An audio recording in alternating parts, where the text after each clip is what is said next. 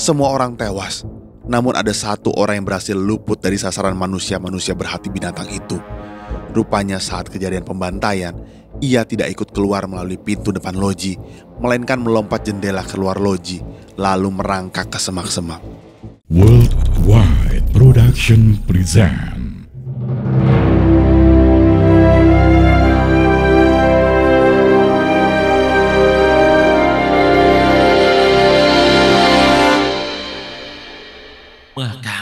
beracun. Kalian semua jangan makan. Mereka semakin cemas dan was-was. Sejurus kemudian, gemeretak terdengar suara api yang membakar di sekeliling loji. Api kian membesar.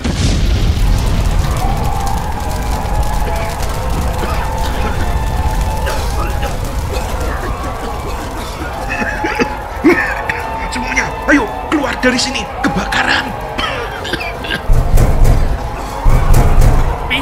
Bisa dibuka. Dikunci dari luar. Ayo dobrak. Asap yang masuk ke dalam loji membuat sesak nafas. Mereka kepanasan dan tidak tahan dengan kondisi asap yang semakin menebal. Karena panas semakin menyengat, mereka lalu melepas pakaian dan kain-kain yang mereka kenakan untuk menghalau api, namun tidak berhasil. Mereka panik tak beraturan, seperti tikus yang sedang dibasmi di persawahan. Dobrak, dobrak pintunya cepat. Satu, dua, Allahu Akbar. Allahu Akbar. Pintu yang diikat rantai itu jebol dan ambrol. Perasaan lega dalam sekejap memenuhi dada mereka.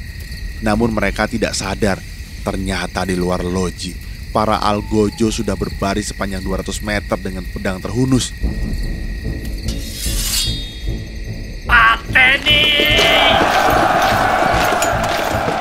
Para algojo telah menunggu para tokoh agama tersebut. Mereka sudah bersiap.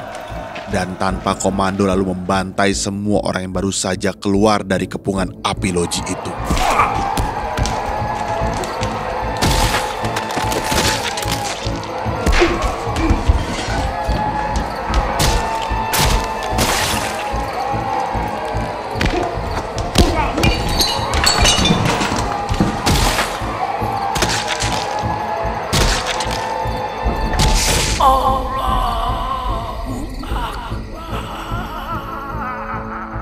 Semua orang tewas, namun ada satu orang yang berhasil luput dari sasaran manusia-manusia berhati binatang itu. Rupanya saat kejadian pembantaian, ia tidak ikut keluar melalui pintu depan loji, melainkan melompat jendela keluar loji, lalu merangkak ke semak-semak. Ia lalu menghilang di telan kegelapan malam berbarengan dengan suara riuh histeris orang-orang yang dibantai.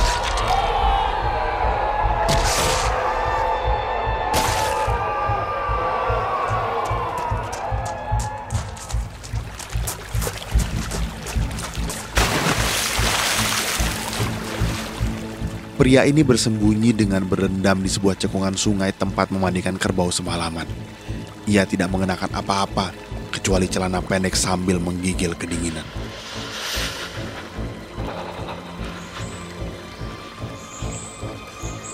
Pagi harinya saat situasi dirasa aman, ia melanjutkan pelarian. Pria ini segera menuju tempat mertuanya. Saat sampai, rumah itu dalam keadaan tertutup. Maka diketuklah pintu itu.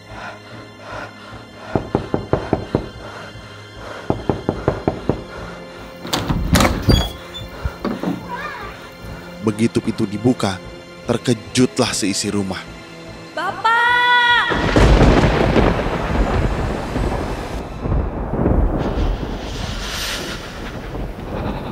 Maisaroh menyaksikan ayahnya, Kiai Imam Suhadi menggigil kedinginan dan hanya mengenakan celana pendek.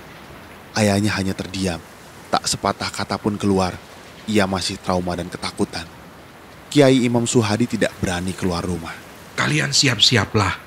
Kita akan segera mengungsi.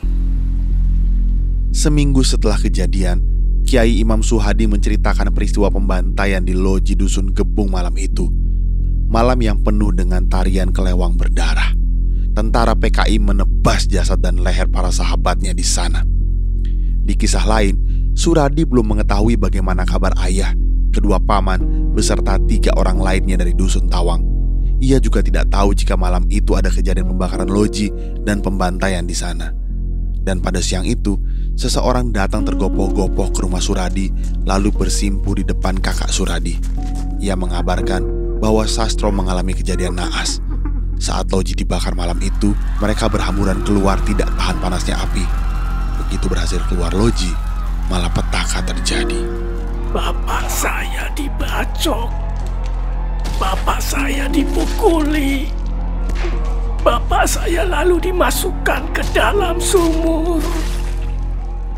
Semoga bapak saya masuk surga ya Allah. Suradi tak kuasa menahan tangisnya saat menceritakan kembali peristiwa pada September 1948. Kejadian itu berlangsung tak lama setelah kawanan PKI di bawah pimpinan Muso menghabisi para kiai dan santri di Madiun. Saat ini nama Sastro Glombroh, ayah Suradi, masih tertulis di antara nama-nama lain para syuhada di Taman Makam Pahlawan Ngawi. Suradi lalu menikah dengan Maisaroh, perempuan yang semasa kecilnya menyaksikan semua kambing peliharaan ayahnya dijarah orang-orang PKI.